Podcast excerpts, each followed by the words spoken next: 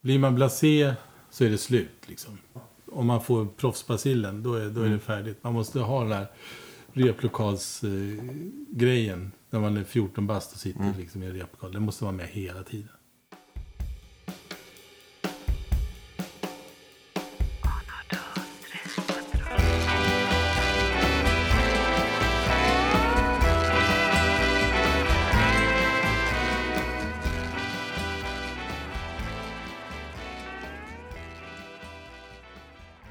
Per Lindvall, Ja, välkommen. tack.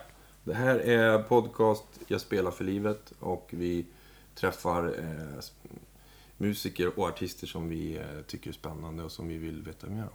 Ja, det var hedrande. Ja, du är absolut en av dem. Eh, I den här serien där vi har träffat trummisar så var du eh, en av de första som vi ville ha hit. Men eh, du har varit lite busy. Det tog lite tid, men nu är jag här. Mm, det är jätteglad för det. Mm. Eh, men vi brukar börja så här. Vi bara, namn? Harald Per Erik Lindvall. Jag heter faktiskt inte Per, jag, heter, jag är döpt till Per Erik, dubbelnamn. Ju Fast det är aldrig någon som har kallat mig för Per Erik hela mitt liv. Men det står i passet så Per Erik med Ja. bindestreck. Eh, födelseplats då? I Sala, Västmanlands län, Mm. 1959. 1959. Jag bodde där i hela två månader, sen flyttade familjen till Härnösand. Härnösand, ja, ja. Så jag, det, jag har väl inte mina rötter i Sala, kan man inte säga. Du känner inte igen dig när du kommer dit och så här, där har jag gått i. Nej, precis. Och yrke då? Frilansmusiker. Mm. Både trummor och lite slagverk har jag förstått. Eller 50-50. Ja. Nej, men det, alltså, jag spelar mycket percussion i studion. Om jag, om jag spelar trummor själv så spelar jag ofta percussion själv också. Men det är alltså vanligt pop-percussion. Mm. Klassiskt slagverk var jag lite och nosade på när jag gick på musikgymnasiet. Mm. Eh, Men det är jättekul. Men det, har- det har jag inte haft tid att utveckla eller förkovra mig på. Har du chimes? Eh, Menar du stora rörklockor? Ja, sådana ja.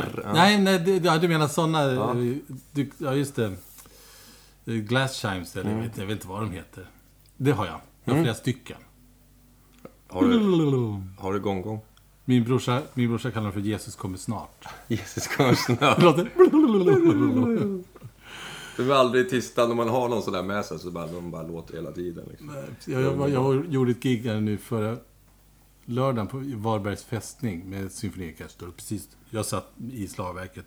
Och det blåste liksom in på scenen, så de här himla wind chimes. Ja. Det var, var verkligen wind chimes. De lät hela tiden så här. Så att när det var tyst, då blåste de. Här, så de fick ställa på tvären hela tiden, mellan, mellan låtarna. ja, men det är precis. Jag har koskällor också. Hur många? Eh, kanske fem?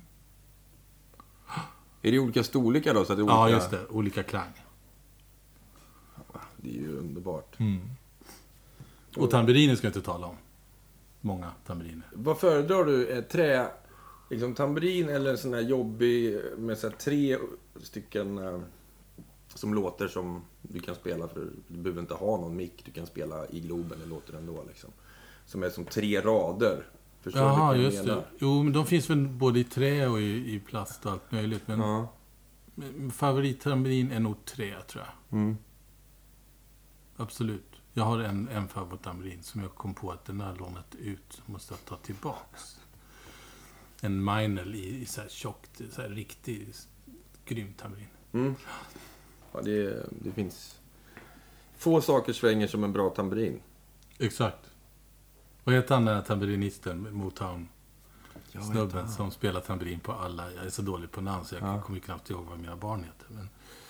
Men, eh, han som var med, råkade vara med på massa hittar. Till slut var man tvungen att hyra in honom. För att det blev som sån, en besvärjelse att han måste lira tamburin på den här låten. Annars blir det ingen hit. Ja, Men han var ju grym såklart. Men, alltså, men varje refräng så bara... ja, då kom han in. Mm. Eh, vad är ditt första musikminne? Eh, mitt första. När jag verkligen gick igång, det var nog när pappa och mamma hade en platta med Mahalia, Mahalia, vad heter Mahalia Jackson. en, en eh, så här, gospel, tidig, tidig gospel sångerska. Hon sjöng fantastiskt. Och då, då, då, då märkte jag att det här är grejen. Det här är på riktigt. Undrar, med, med, vad säger man? Mah- Mahalia stavas det. Mahalia Jackson. Mahalia Jackson. Antar jag. Ja. Jag kollar in henne. Mm, det ska jag absolut göra.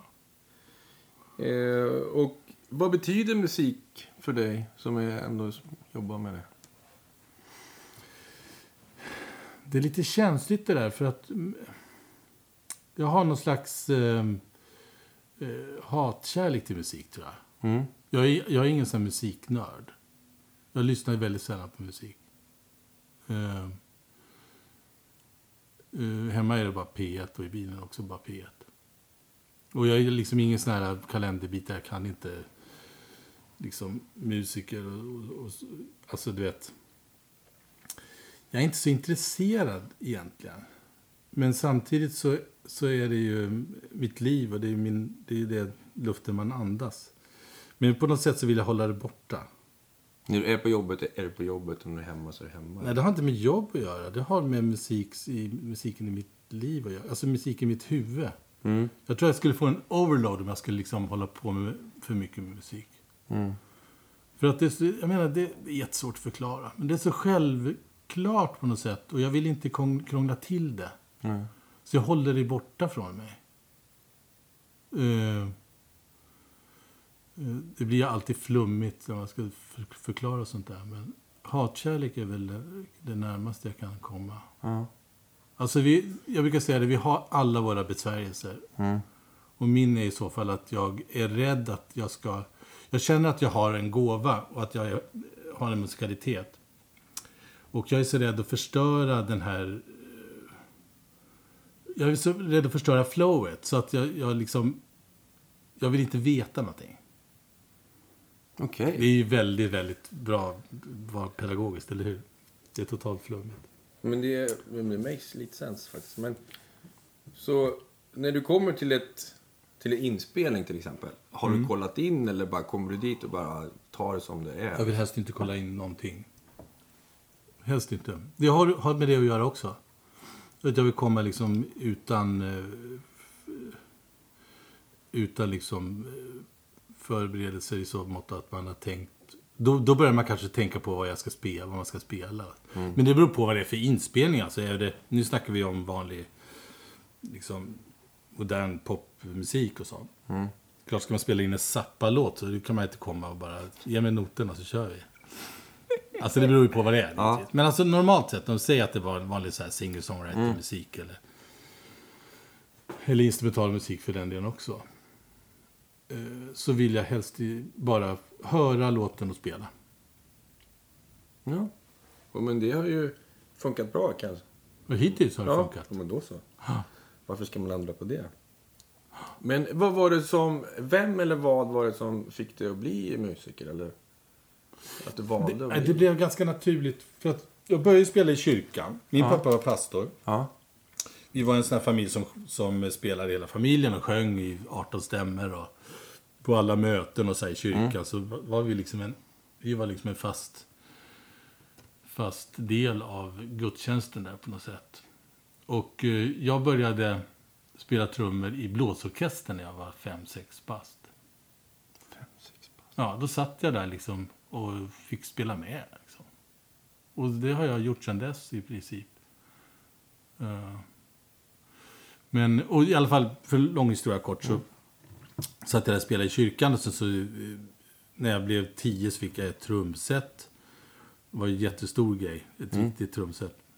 Star hette det. och, eh, eh, och satt jag där och kompa jag och brorsan Leffe, han spelade bas då på den tiden. Vi satt och kompa alla som kom dit och sjöng och de tog med oss ut på, på sina små turnéer i andra religiösa sammanhang. Liksom. Och sen så vart det väl mer och mer, mer och mer, liksom mer kända eh, sångare som tog med oss. Och eh, sen när de skulle göra platta, då, redan när jag var så 15-16 bast, och så tog de med mig i studion så fick jag spela på deras skivor också. Och så kom jag i kontakt med med så här gamla studiorävar som i sin tur då tyckte att det funkade. Och de rekommenderade mig till andra inspelningar. Så på så sätt så blev det ringar, ringar på vattnet. Liksom. Och sen var du inne i... Sen var jag bara inne i det. Så att jag, jag var ju liksom... Jag var ju på turné med en religiös artist som heter Nils Börje Gård. Och vi, efter nian, då var jag alltså, jag var, måste ha varit 15. Då tog jag ett sabbatsår bara spelade med honom. Då hade vi, på sommaren hade vi 70 folkparksgig. Så att det var ju liksom, det var ju, det det var ju tripleringar. Två på vissa dagar och tre på vissa dagar. Det är helt sjukt. Så, så jag, kom, jag så gled in i det där. Jag blev... Ja. Jag var ju musiker från början. Du, bara, du, du har inte gått så här musikhögskolan och sånt Jag där? har gått till musikgymnasiet. För efter det där året med, med Nils Borgård, det var, ju, det var ju skitbra, proffsigt och allting. Så här. Men rent musikaliskt kände jag nog att liksom, jag måste komma vidare. Det var liksom lite mer så här country pop och så. Schlager. Så här. Och jag lyssnade ju bara, på fritiden lyssnade jag bara på jazz. Så jag tänkte, det här, jag måste liksom göra något annat. Men då, kom jag in, då lyckades jag komma in på musikgymnasiet. Det var 76.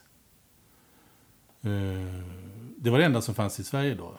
Det låg vid där Ackis ligger nu, eller rätt sagt där gamla Ackis låg. Ja, just det. I gamla ridhuset eller Ja, ja just det. Vid sidan av. Statens normalskola gick jag i. Fick man spela jazz där? Oh ja, som bara den. Jag var till och med i- med i en freebag-orkester. Ja. Så vi hade inga låtar, vi bara gick ut upp på scen och lirade. Det var skitkul. Vad var det mer för eh, musiker som gick där? Är det någon man känner till som också har fortsatt spela? Ja, så trummisar, både Magnus Persson och Pelle Alsing gick eh, i... De gick väl i min parallellklass, tror jag. Ja. Så vi lirade i samma, samma slagverksensemble. Det måste ju ha svängt. Ja, det, det svängde. Det var ju klassisk musik, men det var ju... Men det var bra. Herregud. Så vi, det är klart, vi peppade nog varandra ganska mycket där. Vi satt i... i spela i kapp i, i trumrummet där. Ja, vad kul. Magnus är ju tyvärr borta nu, men, Ja. men Pelle lirar fortfarande. Ja. Eh, vad fick du för eh, slutbetyg då? Fick du bra betyg i I, musik? jag vet inte om jag fick något betyg, för jag kom, jag gick, var, på den tiden fick man söka till ett tredje år, ett påbyggnadsår. Så utbildningen var tvåårig. Eh, Så det gjorde jag, men sen när jag hade gått där kanske i två månader på hösten, då så hoppade jag av, för då hade jag, jag hade så mycket jobb så jag hade inte tid att gå till skolan. Då jobbade jag liksom i studion. Då var jag ju kanske, jag var 18-19 bast.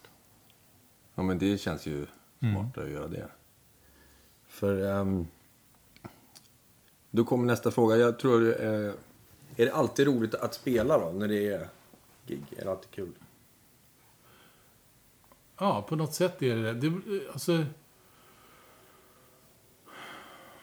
säga, det är roligt om man får, om man får göra sin grej.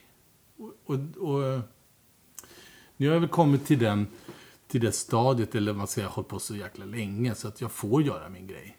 Alltså, om de ringer mig, då vill de att jag ska spela som jag gör. Då säger de inte att du kan du spela som trummisen i Hawkwind. jag förstår det. Ja. Då Eh, ringer de han eller... För jag har väl byggt upp någon slags... eh, Ja, folk vet vad de vill ha på något sätt. Så att jag får göra, jag får göra, göra det. Och då är det kul om man får göra precis det man vill. De bara, kör nu. Hitt, Mm. Hitta på något. Men eh, du har ju spelat ganska många olika genrer. Mm.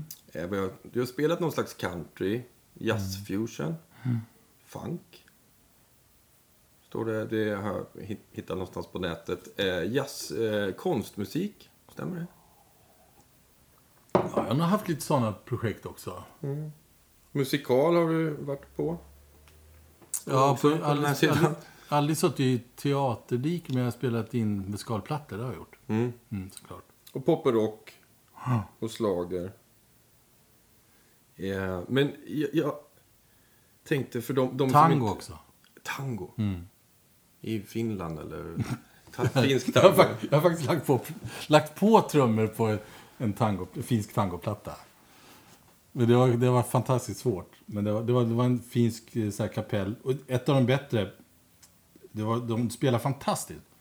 Men det var ju så, den, den typen av tango, det är liksom, där, där spelar de time i kanske fyra, sex takter. Mm. Och sen så är det rubato ett tag. Och sen så är det liksom, det går, det går fram och tillbaka. Så du och fick det spela med, liksom? De kom på att vi vill ha trummor på det här. Så att jag fick lägga på, försöka lägga på. Jag fick sitta med noterna och notera precis vad som hände tempomässigt och sådär. Så fick jag prova. Eh, Men det, det var jättekul. Ja. För det, det var ju bara att lyssna på dem. De spelade så fantastiskt. Det bara att försöka följa med dem. Men det var en utmaning som hette duga. Så tango kan du lägga till där. Ja, det ska jag göra. Tango. Men för att, eh, för de som inte känner till vilka du har spelat med så tänkte jag bara dra några så här så att man förstår att du har verkligen varit i alla läger. Du har spelat både med Ray Charles och Michel Höglund liksom. Ja, ja. Det är ju fantastiskt. ja det, är, det är en bra spännvidd. Ja. Och- Eller, eller inte. Det är mycket blues i, och, i, Kjell Höglund. Absolut, men jag, jag liksom tänker att vissa trummisar hamnar ju i ett fack liksom att eh, han är jättebra på reggae. Just det. Då var han alla reggae-giggen liksom. Jag tror att det är så här att det är för att det är också oerhört tacksam för att jag har fått förmånen att spela i, i just här i Skandinavien. För att det, branschen är så liten va. Så att vi som var, nu finns ju inte den grejen kvar längre, men vi som var duktiga på att hantera studion och spela in och, och vara kreativa i studion. Vi fick ju liksom alla studiojobb. Oavsett genre. Ja. Men hade jag liksom bott i, bara bott i London eller så här, då hade jag bara kanske blivit en jazztrummis. Eller rocktrummis. Eller poptrummis. För då hade det kanske fullt, fått, funnits fullt med jobb i den genren. Ja. Men det gör det inte här. Utan Nej. liksom, så det var så, så...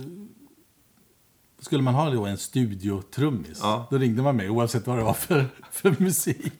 Och det är ju skitkul alltså. Ja! Och det är klart, man får ju liksom snosa på det mesta. Man, man har nog fuskat sig igenom rätt mycket. Men, men efter ett tag så, så hajar man det också. Liksom. ja. Jag hade Bosse Skoglund eh, här han gjorde ju också det. Satt och spelade in. Det kunde vara Ja, han har varit en riktig studio cat i sina Ja, dagar. men han, han liksom... eh, En dag så var det Lill-Babs och liksom nästa så var det något dansband och sen var det Monica Z och liksom Povel Ramel och så. Men han, han sa det att det var en dag när han hörde på radion så här, vad är det här för jävla låt? Och då var det han själv. Så då slutade han, han med det och, och, gjorde mer album med band som han var med i sådär. Men eh, du har aldrig känt så att, eh, vad är det här nu? Jag tycker så här, när det är så här... Jag, spelar man på... Säg, säg, säg så att du spelar på en dansbandsplatta. Mm. Eh, då kan man ju göra det... eh, Man kan göra det habilt. Man kan göra det liksom med vänsterarmen. Eller så kan man göra det riktigt, riktigt bra. Mm. Och det, då är det ju ett hantverksmässigt. Det är, inte, det, är inget, det är inget kreativt sökande, utan det är bara rent hantverksmässigt. Eh, Så då ska man bara spela den bästa liksom, dansbandsshufflen som bara går att spela. Så tänker jag. Har du spelat med till exempel Vikingarna? På... Oh, jag spelar på många. Men de skrev- ju aldrig ut vilka som spelade på plattorna på den tiden. För ibland Folk man lyssnar på trodde nog att Vikingarna så svänger själv. det så in i bomben där. Jag spelar på jättemånga av deras hits. Och eh, alltså, så här. Jag, jag kommer inte ihåg någon, alla de där banden. Lasse Stefans och alla. Mm. För det svänger ju. Folk kan ju tycka så här, haha, liksom dansband, men de kan ju spela. Ja, ja. Så, så det är riktigt ordentligt bra. Men nu, nu spelar de väl på plattorna, eller ändrades väl för ett tag sedan, men innan så var det nästan inga dansband som spelade, utan det var liksom vi studio Cats som spelade på. Och de var ute och liksom spelade in pengar. Live. Ja, ja. Och de var ute och liksom turnerade och så fick ni spela in plattorna. Eller hur funkar det? Ja, efter, tra- efter ett tag så var det nog vi som spelade ut också, som led- de ledde tracks. Jag vet inte. Är det så? För att eh, Vikingarna och och Lasse Stefan, alla de där svänger ju. Det är hemskt bra. Men jag tänkte också bara eh, också så har du spelat Kikki Danielsson har du kompat eller spelat in med också. Mm. Och många hennes grejer. Men samtidigt så har du spelat med Rick Astley, Eros Ramazzotti och ABBA liksom. Mm. Det är ju någon... Den spänn... Liksom, vidden måste du ändå vara ensam om i Sverige eller i... Kanske i världen. Jag vet inte. Ett tag så, samtidigt som jag spelade med ABBA, då, då var jag också spelade, var jag med i Radiojazzgruppen. Okej. Det var nog den största. Om man liksom spelade... Hade man, man spelade, då, då spelade man i Radiohuset med dem. Det var ju liksom ett... Det var ju liksom crème de la crème i, i Stockholms jazzmusiker. Mm. Ehm, och då var det Bobo Stensson på piano, Palle Danielsson på bas och jag på trummor. Liksom. Och Det var ju ett grymt band. Mm. Men om jag, jag sa ju inte till dem att jag skulle på kvällen ha, ha en inspelning med ABBA. Det fanns inte på kartan. Det, hade liksom, det, var, det var helt fel. Liksom. Det var som att svära i kyrkan. Ja, du vet. Det var ju så politiskt på den tiden. De, det var ju djävulens musik. Liksom. Härligt att du ändå... Men det, var- det, så det var nog en rätt bra spännvidd att spela liksom med Carla Bley på, på dagen och med ABBA på kvällen. Liksom. Det är ju fantastiskt. Mm. Men, eh, Jag har också gjort en annan grej faktiskt. ja, berätta. Ja, spännvidd. Ja. Janne, eh, Janne Malmsjö på dagen och Ja. Teddy Bear Stockholm på kvällen. ja, det är ju På fantastiskt. samma dag. Det, där kan du snacka om spännvidd också. Så Det det var, var- i Teddy Bears, när deras trash metal-era. Liksom. Det var Krillan Falk som prodda. Ja, de ville ha att jag spelar så här, trash percussion på deras eh, platta. Och det, så det var inte live, så du hade inget så här hundhuvud på dig som de har nu? Nej, det var bara overhead, eller overdubs. Ja, så från eh, vår bästa tid är nu till punkrocker, typ. Ja. Är det svårt när man ska gå och sova, liksom så här, när man summerar dagen? Och...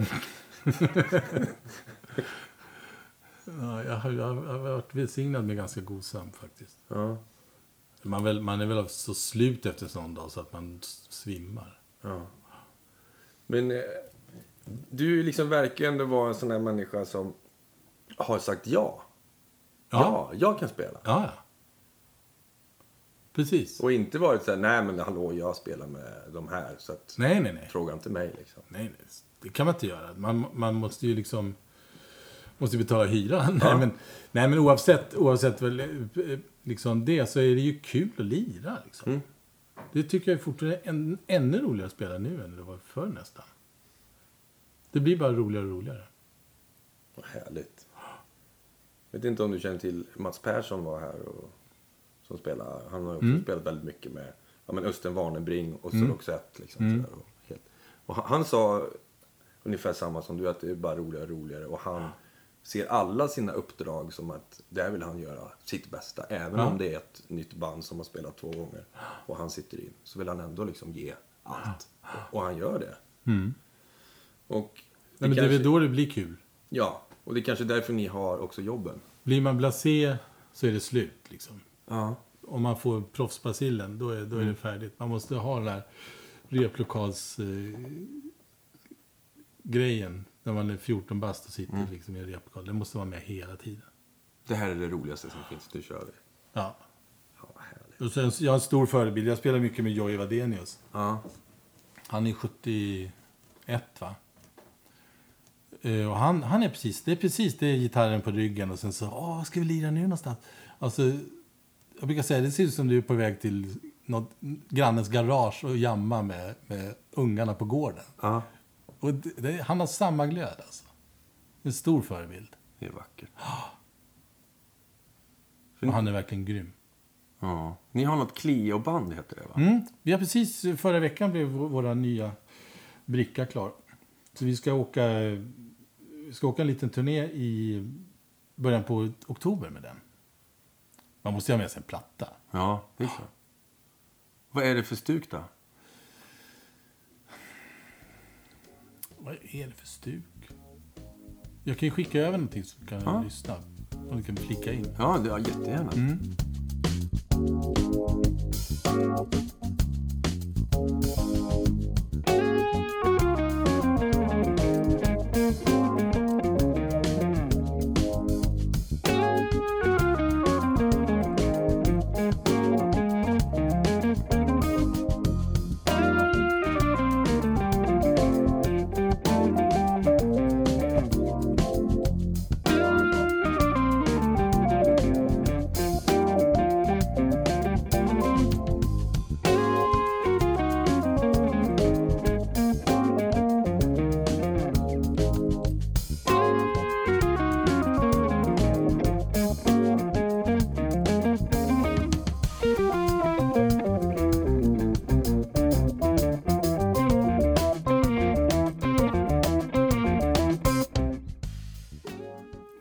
mest Jojje och Jesper Nordenström som spelar keyboard som har skrivit låtarna. Mm. Och de är lite kluriga kan man säga. Det är så här lite olika konstiga taktarter och Ja, ja. lustiga vändningar. Det är inga shuffle blues tolvor. Nej, det är det inte. Det är mer så här fiffigt. Ja. Men det är skitkul att lira. Ja. Jag hade, Janne Loffe Karlsson var ju här och han pratade om att ni hade varit och spelat i Helsingborg och att han var där och kollade på er, att han var så glad för att det var så bra. Det är också en sköning. Gud, Ja. vilken bra trummis han- är alltså. Ja. Han sa ju det att alla skådespelarna tycker att han är jazztrummis och alla jazztrummisar tycker att han är skådespelare. Alltså, Ja. gör han det? Så han hamnade emellan där tyckte, tyckte, tyckte han liksom att han hade inte liksom fått... Jag måste lyssna på den podcasten. Ja. Det är också en förebild, verkligen. ja. Han har också brinn. Han och Brinn, ja. Han, är, är han är 80 nu. Mm. Bosse är också 80. 80. Hans ögon är som han vore 16 och bara... Ja. När, det, när ska vi spela? Men det kanske är så, alltså folk... Vi, det, alltså det enda vi gör, vi går inte till jobbet utan vi bara sitter och leker hela dagarna. Mm. Det är ju så. Tror det är därför som Jojje, han är så. Han, är liksom, han blir aldrig mer än 16 i huvudet. För att jag menar, det är bara laja och hålla på, hitta på och leka. Det är det. Det är det vi gör. Det är det, det, är det som vi... Som är nerven liksom. Skulle du klara att ha ett vanligt jobb inom situationstecken? Det vet jag inte eftersom jag, det närmaste jag kommit det var jag skulle göra så här pryo. Eller prao som det heter nu. Mm. I, en, så här, I en bokhandel. För det tyckte jag det verkar kul. Mm. För jag gillar att läsa sådär. Men jag fick ju sitta på laget och, och med en sån här mattkniv och köra, ta upp eh, kartonger. Ja. Så efter en vecka av det där så att jag går inte tillbaka. Så jag vägrar. Så jag, jag sa att jag var sjuk. Och sen ute och spelar istället. Det var, det, det var så nära jag kom. Ett riktigt jobb. Grattis. Ja. Grattis. För annars så brukar det ju vara det för liksom musiker som ändå spelar på hög och den högsta nivån. Att de har ett annat jobb också. Ja, ja, ja. Herregud, det är ju det är ingen... Det, det, jag är bara glad att jag kunnat försörja mig. Mm. För att det handlar ju ytterst om att betala hyra. Mm. Och det är ju inget egenvärde i att man ska just jobba med musik. Alltså, det, det, är ingen, det, det är liksom ingen... Alltså, bara man lirar spelar ingen roll om du, om du håller på med, med frukt på dagarna. Alltså, eller, och sen lirar på helg, helgerna. Det är liksom... Vad är det för skillnad? Liksom? Nej, men jag tänker att de flesta, om de fick spela varje dag eller sitta och göra någonting så hade de gjort det. Naturligtvis. Det är inte säkert. Det kanske, jag tror, tror att det är många som tycker det är skönt att, som en ventil liksom.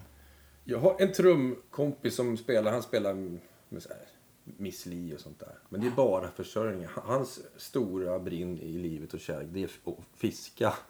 Ja, Så ja, han det, bara, jag trummar och sen kan jag åka fiska. jag älskar fiska också. Ja. Det är världens bästa hobby.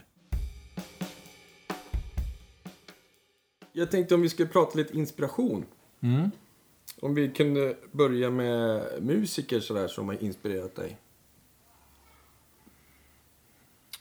Ja, just det. Jag har ju aldrig så hårdnördat in på musiker. Som jag sa i början där. Eh, men... eh, det, var, det var ju när man, när man var liksom i tonåren där. Mm. Då lyssnade jag, då var det liksom, då lyssnade man ju mest på, på, eh, alltså Billy Cobham tycker jag. Det var liksom, när han, den här Spektrumplattan kom. Men det var ju alla musiker där, alltså all, alla som spelade på den plattan. Då var jag helt golvad. Eh, och sen naturligtvis alla trummisar som håller på med jazz och pop. Det är ju Steve Gadd. Det är Ja. liksom allas förebild. Och Jeff Porcaro såklart. Det är ju de där som, som säkert varenda trummis du frågar säger. Så det är klart att de har influerat mig och inspirerat mig också. Ja. Självklart. Jag kanske inte har gått så här när eh, analysdetalj. Nej. Det har jag nog aldrig gjort. Men mera då, man lyssnar mycket och sen omedvetet tar upp. Mm. Det, det är så man lär sig. Vad är det de gör som är Som gör att man går igång på det? Gemensam nämnare tror jag att det är musikaliskt. Alltså att det, att det att de, alltså nu, alltså Billy Cobham, där var det ju mer så här fyrverkeri. Mm. Så man, när man är 15 och hör det, då blir man ju liksom, då blir man ju helt knäckt. Men, men är till exempel Steve Gadd, Jeff Porcaro, eh, det finns det en drös andra, Jim Keltner, eh, Carlos Vega, Sådana gamla hjältar, som lirar låten, som spelar, verkligen spelar musik. Alltså de, de, om du bara hör trumspelet så kan du höra vilken låt de spelar.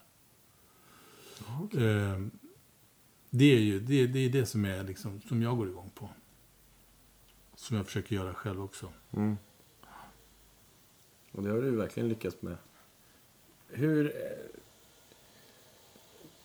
Eh, eh, finns det någon, någon så platser eller länder eller så här som du tänker på som du tycker mycket om sådär? Eh,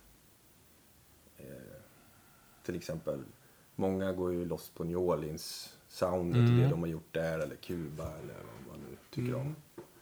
Är det något sånt där som du Inget har? speciellt. Nej.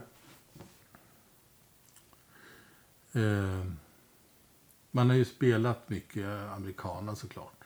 Det är det som, som vi, vi svenskar har varit väldigt influerade av. Men jag har inte varit så mycket på, på liksom världsmusik. Jag har inte varit så mycket inne på. Jag älskar det alltså. Mm. Det enda som kan få mig att dansa, enda, att röra på fötterna överhuvudtaget, utan när jag inte spelar trummor, det är när jag lyssnar på salsa, bra salsa. Mm. Det älskar jag verkligen. Jag höll på att missa ett gig en gång i New York bara för att vi hade en tv-inspelning uppe på en jättestor klubb. Och i källaren hade de salsaklubb. Och det var ett sånt killerband. Så precis när vi hade gjort soundcheck gick jag ner där. Så de, det var så här eftermiddagsgig. Alltså de satte igång 17.00 och sånt där. Mm. Fullt med folk. Och jag gick någon bakväg genom köket och hörde att de spelade Ja. musik. Och så står jag där och liksom... Jag, kom inte, alltså jag glömde bort tiden. Jag bara stod, till slut kom det någon ryck till mig. Hej, hej! It's on, it's on! Du ska vara på, du ska spela nu. Jag var helt tagen. Och dansade. Jag, jag, tro mig, jag dansar inte. Vad härligt. Ja, jag var helt så här knäckt. Jag, undrar, jag tror att det var något sånt där... eh, Jag tror att det var så här höjdarband. Typ så här Tito Puente. Och så här. Ja. Det var länge sedan. Jag kanske var så här 20, 22 eller sånt. Jag var där med Janne Schaffer och vi spelade. Med lite andra jänkare där. Fy Fan vad härligt. Mm. Men eh, jag tänkte om vi kunde prata om några milstolpar, några så här turnéer som du har gjort som har varit så här viktiga för dig och, och eller så här kul och som liksom så här, men det här var den största eller den bästa eller roligaste turnén eller? Alltså en, vi gjorde, när vi hade spelat in den här Chess-plattan med Björn och Benny. Ja. Det som, det som, musikalen föregicks ju av en, innan det blev en musikal så var det ju en dubbelplatta, LP. Och eh, det som skulle lansera den plattan, det var en konsertturné med bandet som spelar på plattan. Eh, eh, vilket var, vad heter det, London Symphony Orchestra. Och vi då i svenska kompgruppen. Så vi gjorde en, en Europaturné med det. I konsertversionen av Chess. Det var 84 tror jag. Det var, det var så här riktig wow-grej alltså. Det var det med. Körberg och alla de som åkte? Ja, just det. Det var ju första. Ja. De som är på plattan var. Ja. Murray Head och Elaine Page och de. Men det var mäktigt alltså. Att få spela med, den, med det bandet där. LSO. De lirar bra. Och de hängde på dig på något sätt? För är, är det du som liksom räknar in låtarna? På I, i pop, när spelar man popmusik med symfoniorkester, då är ju trummisen är i princip dirigenten. Alltså det, Mm. det, de står ju inte, om det är så här steady pop, de står ju inte och liksom tittar på slagen på dirigenten. Inte. Men eh, så är det klart, i så mått så, är så I bästa fall så, så lyssnar de på trummisen. Mm. Om det ska svänga. Men det känns ju så. Spelar man till klick på sådana gig? Nej. Det fanns väl inte klick då ens en gång? Gjorde det? 84? Jo, det kanske gjorde. Men alltså, det var ju aldrig någon som lirade live till. Nej. Det fanns inga sådana grejer då. Nej, skönt. Vad, vad är din uppfattning om just klick i studio? Tycker du att det är jobbigt eller är det skönt? Nej, jag inte ty- Alltså grejen är att när det kom in det här med klick, att man spelade till klick. Jag vet inte när det var. Var det mitten på 80-talet? Ja, det känns sånt där. När, när de första... Det var när Linn Drum kom. Som alla började lira efter klick. Vi var några år efter USA. Där. Ja. Eh, ja, det var nog då kanske... Ja, jag vet inte när det var. Men i alla fall, då var det, ju, det var ju många trummisar som, som eh, tyvärr försvann. För att de, de, de, det var ju skitjobbigt tyckte de. Men jag tyckte inte det var speciellt jobbigt. Utan det var ju liksom bara som en... Jag har alltid sett det som en, en, en percus- percussionist som liksom står och lirar i ett hörn bara. Som man spelar med. Det är smart. Jag har inte sett det som någon Hitler som... som en, zwei, drei, vier. Utan... ehm, Utan alltså försöker göra det som... Sen har jag alltid också varit noga med att programmera klick. Så att det ska låta... Liksom låta som... Ja, låta som percussion ungefär. För det finns ju elaka klick och sen finns det lite snällare. Ja, de här Protos... Duk, Ja, det enda där Protos-klicket är, det är ju farligt att spela till. Ja. Det ju- förstör ju trumhinnorna. ja, jag fattar hur de tänkte. Ja, ja precis.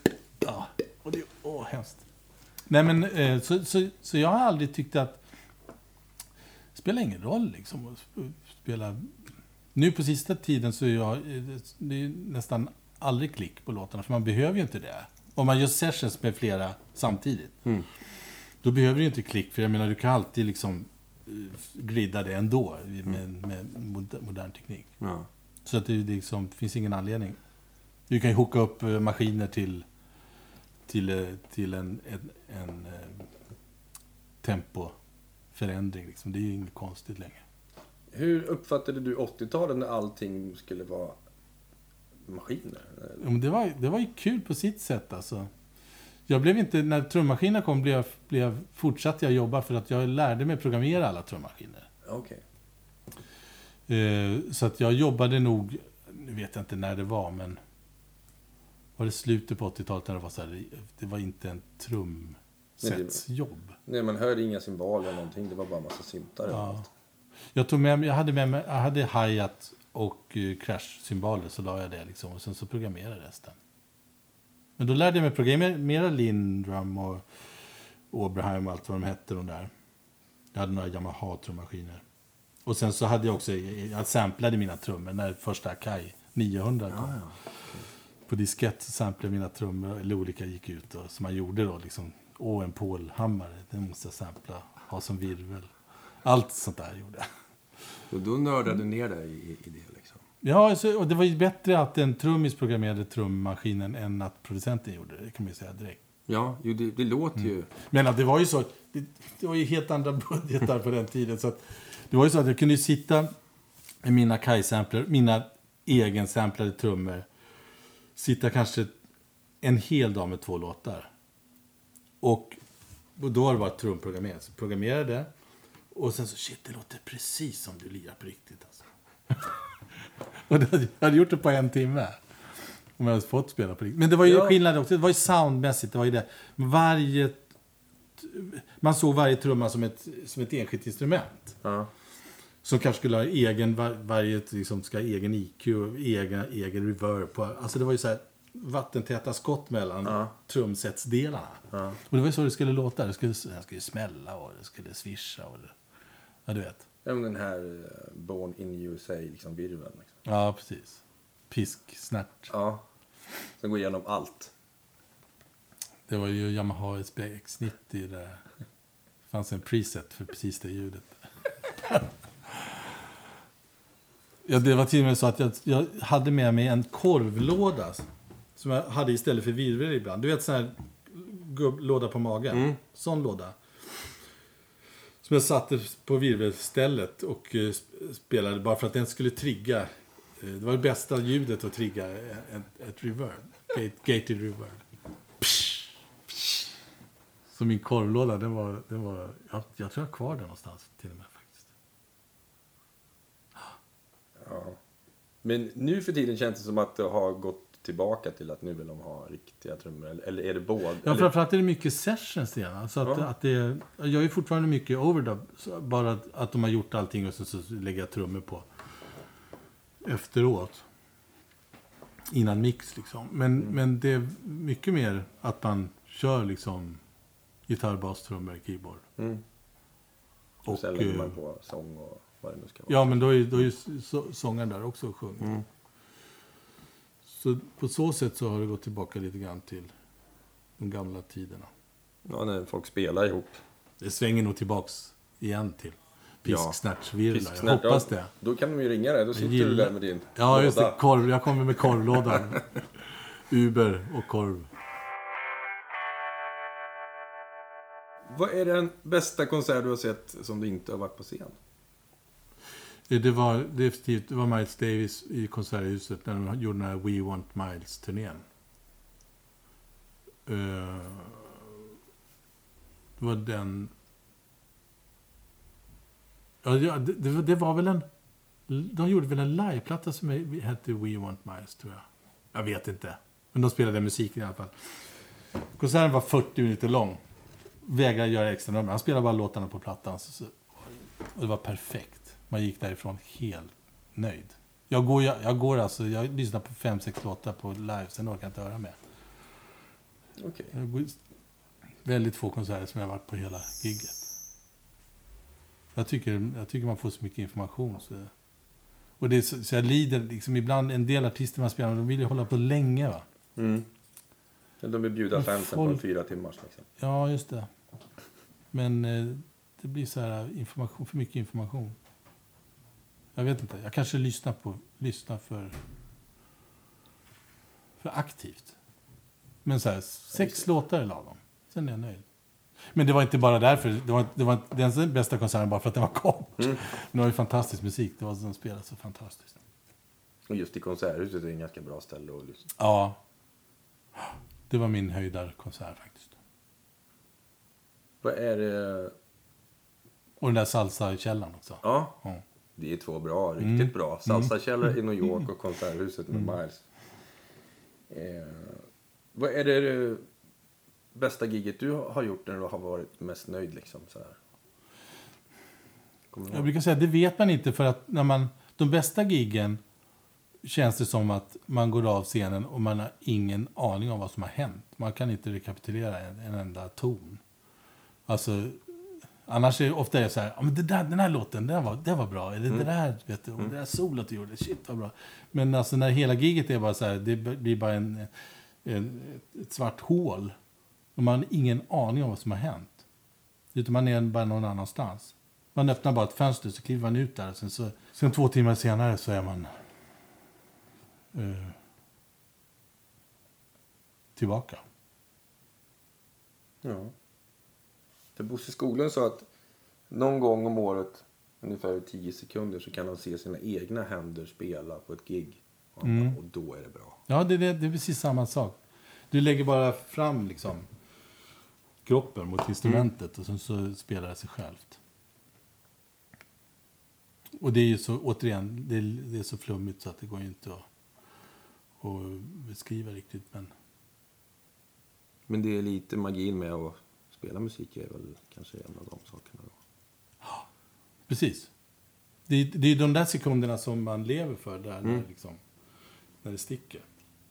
Har du haft mycket Det är kanske det man letar efter hela tiden också. Ja. Det är kanske därför man, kanske därför man håller på, tror jag. Mm. För att man letar efter de där sekunderna. Mm. När allting bara... När det försvinner. Det kosmiska svänget pratar, pratar han om. Bosse. Det kanske är det. Ja, det är det nog.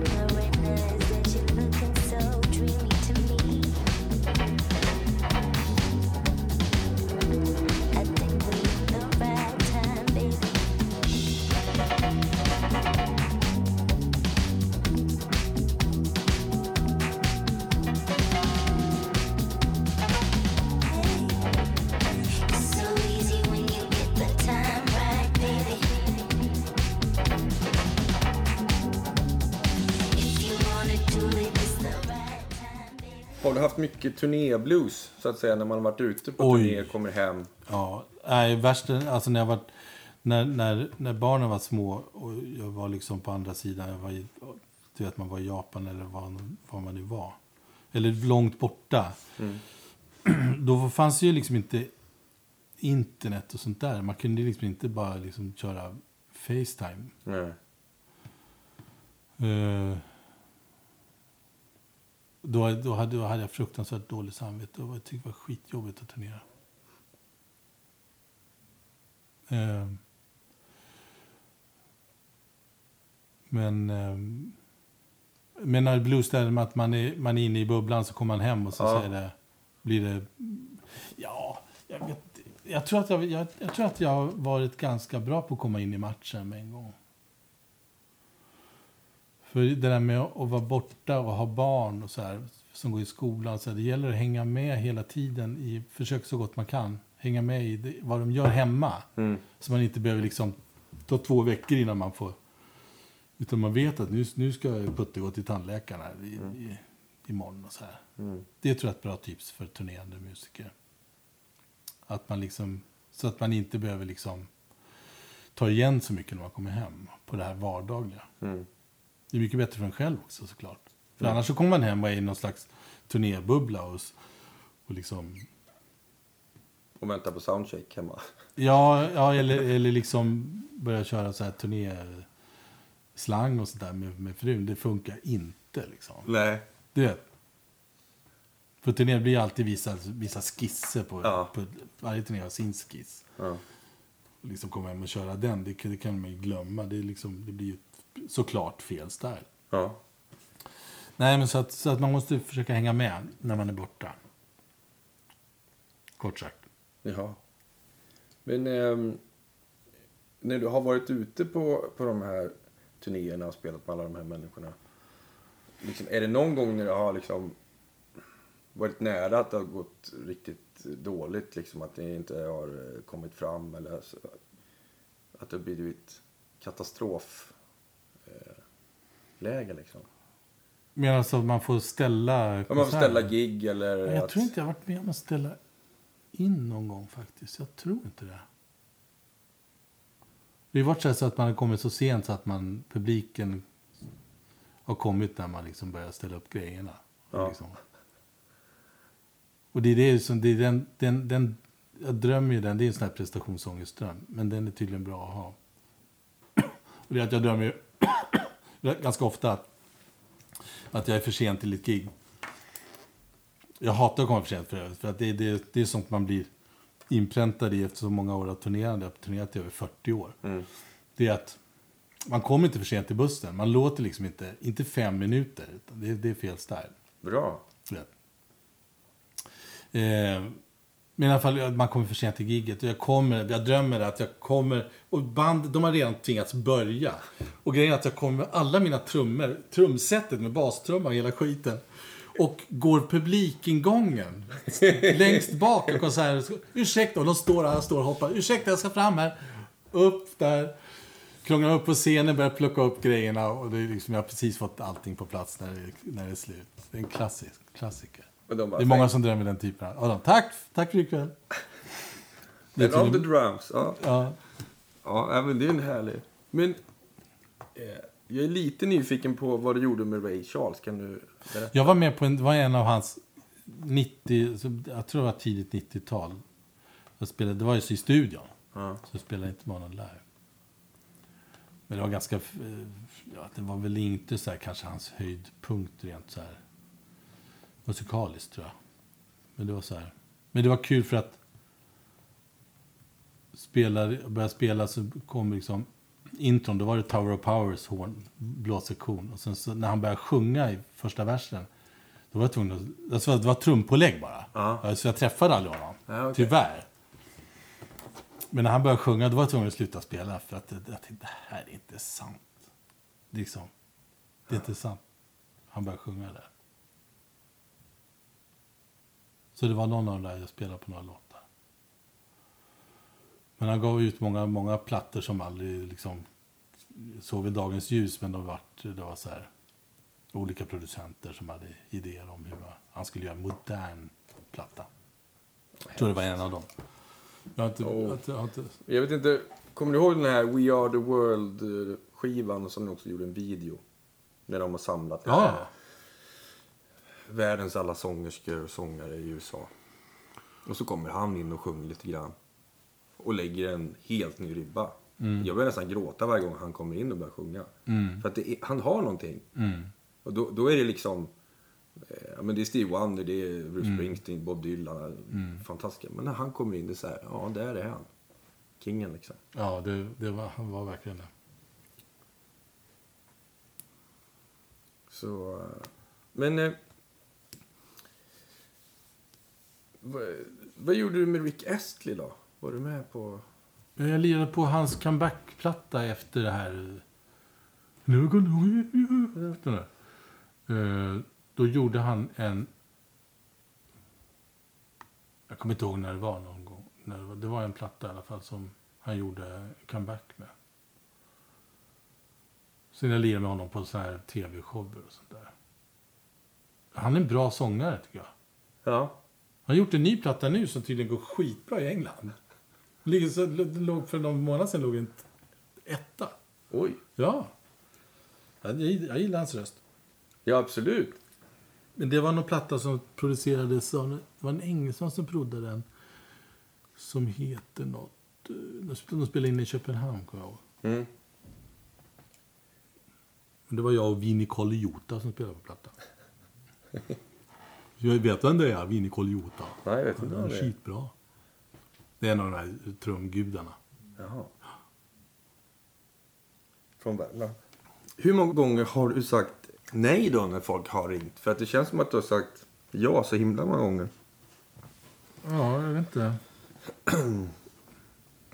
Jag hörde en sägning av Lee Sklar som är basist från Los Angeles. Som spelar med alla precis. Och de frågade, hur gör du för, liksom, för att, för att liksom, sålla bland alla jobb? Och hur gör du liksom? Hur? Ah, det är jätteenkelt. Det är någon som ringer mig och så frågar, vill du vara med och spela? Då säger jag ja. Ja, det vill jag gärna. Åh, härligt. Ja. Nej, men det är så, alltså livet som frilansmusiker, antingen har man för mycket eller för lite. Men jag har haft ganska, jag har haft tur, jag har haft liksom eh, ganska bra jobb hela tiden. Det brukar lösa sig. Man, ja, tackar man ja till allt eh, i princip, utom sånt som känns eh, konstigt i magen. Då brukar det bli ganska lagom ändå. Men har du hoppat på liksom, saker som efter ett tag säger men det här var inte för mig liksom? Ja, det har jag gjort. Då får man rida ut det. Man kan inte, man kan inte hoppa av liksom. Men det är ett par grejer så här som man ångrar att man hoppade på. Men är det för att det har varit fel personer i... Det kan, Eller det kan det vara f- fel eller, ja, dålig stämning och sådana Ja, grejer. precis. Men det är lyckligtvis väldigt, väldigt sällan. Kanske två grejer bara. Under hela. På det är 40 ganska år, ja det är ju ingenting. Nej. Finns det någonting kvar som du skulle vilja liksom spela på någon genre eller någon sånt här som, som du sitter och väntar på att de ska ringa om?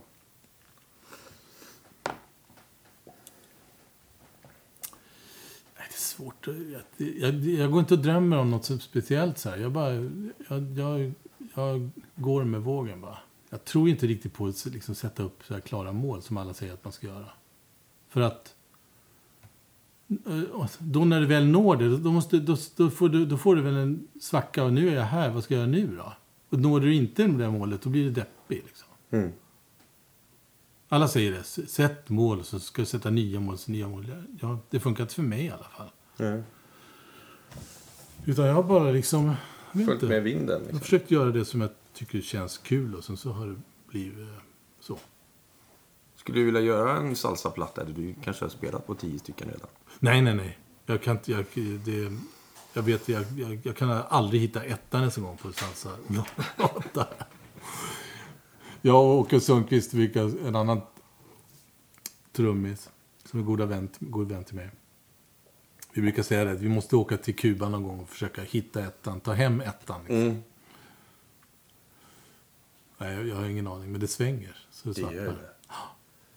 När den här Buena Vista Social Club kom.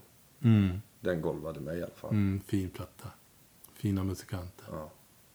De säger det på Kuba, jag vet inte om det stämmer, men man får inte ens kalla sig för musiker innan man är 70 bast. Utan fram till dess är man prospect, man är liksom lärling. Det ligger ju någonting i det. Sångarna i det bandet var ju mellan 80 och 100. Sen hade de de där små killarna på 70 som. Ja, Young Boys. Ja, Young Boys. Nej, men alltså man kommer ju... Man, jag kommer ju vara där också. Jag kommer ju lira liksom... eh, Till man ramlar av trumpallen. Liksom. Mm. Det, då kommer ju, jag brukar säga till ungarna, ni kommer hitta mig där på, längst in i hörnet på pizzeria Saxofon i Helenlunds centrum. Alltså, säkert. Mm. Men det spelar ingen roll, man kommer ju hålla på.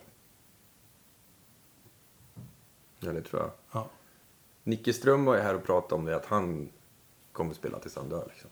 ja det är klart. Det finns inga, ingen pension eller något sånt där. Att nu fyller jag det här och nu ska jag plocka svamp eller något. Mm. Det är bara att spela på. Liksom. Det, det finns ju något vackert i det, tycker jag. Min, min brorsa Leif han brukar säga att en musiker, han, han blir pensionär och liksom lägger, lägger instrumentet på hyllan.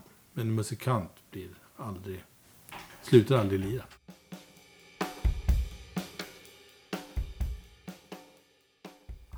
Om du eh, sätter ihop egna projekt. Ja, jag har, jag har ju ett, eh, en trio med min lillebror Sven på bas och eh, Staffan Aster, en gudabenådad gitarrist från Hägersten. Mm. Vad gör ni då? Vi, vi lirar någon slags eh, psykopat-fusion. Mm. Bronk heter vi. Och vi har, eh, vi har gjort två plattor, vi håller på med en tredje nu. Det är bara så här, det är ett riktigt hobbyband. Ja. Men vi har skitkul. Vi håller på... Vi försöker hitta... Alla tre har så himla mycket att göra så det är svårt att få... Vi ska försöka få ihop tre dagar för att spela in den här plattan men det verkar helt omöjligt. Men, eh, men det är kul. Kör ni live med det? Vi har, vi har, ett, vi har ett, eh, ett coverband också. Jaha. Eh, Staffan han fick en länk på en video på ett Bronk tributeband i Bangkok. Ett thailändskt, ja. Som på något sätt har, har de gått igång på vår musik. De heter väl Blonk antar jag. Ja. Men eh, jag måste, jag har glömt att fråga efter det. Det vore ju fantastiskt. De lirar våra låtar. I Bangkok? Ja. På Gitarr, bas, trummor. Bronk Tribute Band. Bronk Tribute. Ja, det är stort. Det fantastiskt. Och vi har kanske liksom, vi har, i Sverige vi kanske har liksom 13 fans. Liksom. Där ser man vad, vad, vad the world wide web kan göra. Men nu är det nästan läge att åka till Bangkok och ta ett gig där med dem. Ja, eller låta dem arrangera en klubbspelning. Ja. Ni är förband till dem. Ja. då har vi i alla fall tre i publiken, garanterat. Bra Nej, men det är roligt. Det, det är återigen det där, det där med att liksom bara ha fria tyglar och få, få latcha. Det är så otroligt viktigt. Ja. Alla, alla yrkesmusiker måste ha ett hobbyband. Mm. tror jag. Eller det måste man inte, det beror på vad man spelar för musik. Men säg att, säg att om jag hade suttit i, i ett orkesterdike och spelat 150 föreställningar av exakt samma eh, notation. Då hade Bronk varit otroligt viktig del Mm. av mitt liv. Om man vänder på det. Mm. Så ett, två, tre, fyra, nu har vi kul. Ja, precis. Finns det några musiker eller sammanhang som du skulle vilja spela med som, som du... Då är ju det här ett tillfälle och... Är det någon där ute som du säger, fan de ska jag vilja leka med? Eller hem.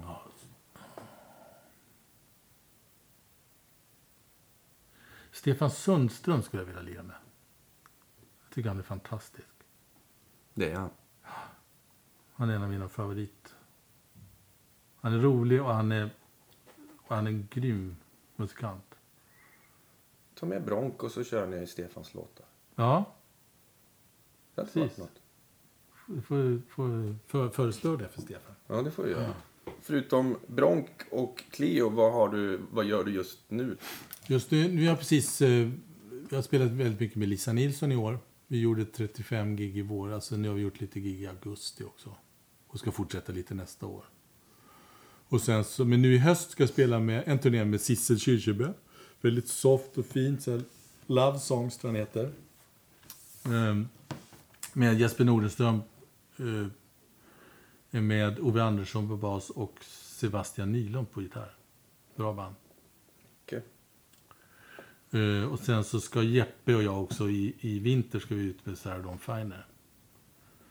Eh, på en sån här jul eller vinterturné liksom. Vi har gjort det ett par år. Så det blir ganska jul. soft i höst här. Och Utom eh, Cleo-turnén i oktober. Vi Ja, spelar fjärde, fjärde oktober på Fasching. Så då får du komma dit och kolla. Ja, det vill jag jättegärna. Jag missade tyvärr er när ni spelade under, i höstas här, när ni spelade på Skala. Ja, just det. Det gjorde vi en, ett gig också. Vi var utanför men vi gick aldrig in. Det var ute med eh, kinesiskt tv-team som eh, var här för att filma svensk jazz. Men varför gick ni inte in? Jag kommer inte ihåg. Eh, det var någonting. Det var inte fullt. Nej, jag vet. Nej. Jag kommer inte ihåg varför. Du får ta med kineserna till Fasching då. Ja, ja, där var de en hel vecka. Eh, de tål inte alkohol, kan jag säga. Nej, de, de har någon gen va, som... Ja. Någon enzym Ja. i hjärnan. Ja. Tre öl på han som filmar så låg han i en hög där de fick bära utan. Billigt. Ja, så att, eh, men de, de glömmer, glömmer aldrig Sverige och eh, ja. De hade en jazzkanal som går på nätet som har två miljoner tittare som bara tittar på jazz. Wow. Det, En YouTube-kanal typ? ja, Eller, ja. ja. Som bara filmar jazz och har två miljoner tittare. Det är ingenting i Kina men i svenska mått så är det ju väl, det är större än SVT Play. Häftigt. Så att... Eh, eh, sen har ju inte de samma... Eh, det här med hålla kameran still och ljudet och sådär. Det är inte så noga. De bara kör liksom. Mm. Lite som barn. Men det var underbart. Det var inte det vi skulle prata om. Du är inte och hälsa på hos Benny Andersson där på Skeppsholmen då? Han har rätt, Jo, han har rätt bra studio där. den är fantastisk. Den är jättefin. Det är som ett lyx-Atlantis ungefär. Är det fortfarande Bernhard Löhr som sitter och kör där? Ja, han har ju en egen, egen mixstudio i, i, i, i det andra huset. Ja, där. Men han är, han är där rätt mycket, såklart. Det är nära till hans. Mm. Ja, där, det är ju top notch liksom. Det blir ju inte bättre. Och jättefin, bra feeling i den studion. Mm.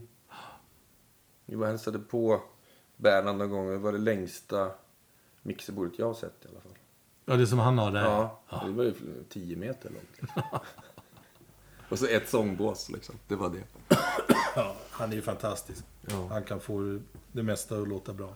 Jag var och hälsade på honom när han hade mixat klart Chess i 5.1. Aha. Och spelade upp det. Vi var på någon konferens och då kom han dit och bara liksom, du vet, glad och bara, ja men nu ställer vi ut högtalarna och så bara, hör här liksom. Och när var det? Alltså var det... Var det... Det är 10-15 år sedan Aha, okej. ja. i 5.1. Det, det var ju som att stå mitt på scenen. Liksom. Det Ja, du, han, han kan verkligen nörda in och få det komma ut på andra sidan. Det blir bra. Ja. ja. Men eh, har du några sista ord? Annars så tycker jag att det har varit fantastiskt trevligt att prata med dig. Ja, tack detsamma. Är det något vi har glömt tycker du? Nej. Det vet man inte. Vad skulle det vara? Ja, Jag vet inte. Vi har glömt att prata om matlagning. Nej, fy fan. Gillar inte det? Det finns så mycket mat-tv överallt. ja, du menar så ja. Just Mm. Ja, det, det är sant. Ja. Det är, kul, med- det är kul att laga mat. Det är precis samma sak som, det är samma sak som musik egentligen med matlagning. Det är ju som att arra en låt eller så här. ja, men det är ju, ju mer tid och kärlek man lägger ner på det blir det ju så. Det är som att fostra ett barn eller... Ja, men det är samma sak. Ja, ja. Eh, Och folk blir glada. ja. Så det, det är rätt likartat. Ja vi, vi får väl ha ett matlagningsprogram med dig då. Nej, det är, det är som du säger, det är allt på tok för mycket bloggar och sånt om det. Ja. Men Så musik man- kan vi aldrig sluta prata om. Nej. Men det är, det, är svår, det, är, det är så himla svårt att prata om musik. För att det är, Mm. liksom, det är så abstrakt. Alltså, det finns egentligen inget att snacka om. Det är det värsta. Att det liksom... eh, Du vet, om man ska, om man ska åka till... Jag blir ofta tillfrågad om att åka så här, prata med på musikhögskolor och sånt där. Clinics, så att säga. Ja. Men eftersom det i mitt huvud är så flummigt så blir det ännu värre när jag försöker snacka om det. Så det blir ju liksom totalt, folk fattar ju ingenting. Tycker det är. Lirar du inte då på scen? Liksom? Nej. Nej. Nej vad ska jag, jag har ingen lira med. Jag vill inte spela själv. Nej. Bara lyssna på trummor, det är ju meningslöst. Det beror på vem som spelar faktiskt. Ja, men alltså hur, hur länge orkar du lyssna på... Jag, jag orkar inte lyssna på trummor för länge. Mm. Om man inte inte... Nu pratar jag om musik. Mm. Men så finns det ju en massa så här, idrottstrumsar. Och det är ju mera... Och det är ju fantastiskt. Alltså bländande teknik och sånt. Mm. Men om du ska nå till kärnan av, av vad det handlar om, det här konstiga med musik, då, då, som sagt, då finns det ju inte... De orden är ju inte uppfunna. Mm. Jag såg en trumklinik på nätet med Livon Helm. trummis. Ja, Och han hade... Då var det liksom vilka skor som var bäst när man spelade trummor. Och då kom han fram till att det var cowboyboots. För att då liksom kunde man spela med toppen då. Eh, liksom, och då fick man bäst liksom svung i det hela. Och sånt är ju konstigt va, för att jag menar, det, sånt där kan ju sätta så mycket griller i huvudet på folk. Ja. Alla köper cowboyboots och alla- ja. försöker spela. Och det låter skit. Ian Paisley spelar utan skor till exempel. Ja, men det är det är livsfarligt att, att liksom att kläcka såna här grejer för folk, folk, folk blir totalt mindfuck. Ja. Det var som en del frågade mig, så hur gör just med baströmmar? Gör, Mm. Spelar du med hälen i eller tån i när du spelar baströmmar? Jag, slut, nu slutar du, får inte fråga. För att jag vill inte börja tänka på hur jag spelar, hur jag håller trum, foten på baströmman. Mm. Du vet. Nej. Men som sagt, vi har alla våra, våra besvärjelser. Absolut. Men då har jag en fråga som... Är du en trummis som hänger in i sättet eller spelar du lite bakåtlutat och är lite så här... Nästan sitter med en cigg så här och ändå gör det... Eller är du inne och grottar liksom? Det vet jag inte. Jag tänk, det tänker man inte på. Olika tror jag. Mm. Man tänker inte på hur man, hur man spelar när man spelar. Nej. Är det, är det, är det, är det två olika liksom, Det approach? var någonting jag fick för mig att det finns några som bara... Det ser så lätt ut. Liksom, de bara sitter och spelar så här bakåtlutat medan det finns andra som är inne och bara... Nej, jag tror, "Jävlar jag, tror jag, är få." mer, jag tror jag är mer den... Alltså det blir bäst när, när jag är så avslappnad som möjligt. Mm. Både i liksom själsligt och kroppsligt. Mm. Eh. Men... eh, det var någon, var någon som, som... Det var en jättefin komplimang som någon sa att han tyckte att... Det var en norsk jazzbasist som heter Ariel Andersen. Han var såg mig i Oslo förra året. Och då sa han att... Eh, han tyckte jag var så ett med, med instrumentet så att när jag reste mig upp och skulle gå, det, det kändes som att hela trummorna skulle följa med. det var en jättefin komplimang. Ja. Ja. Nej, men jag tror att, all, jag tror att jag, det ser ganska eh, relaxed ut när jag spelar. Framtid då? Du som inte sätter upp några mål, men eh, finns det några önskningar? Ja, att jag får, ska få vara frisk och lira. Mm. Resten löser sig, bara man får vara frisk. Det är ju... Det är så det är. Fan, du verkar ha en skön livsfilosofi tycker jag. Ja, alltså... Ja. Det är, det är så jag är.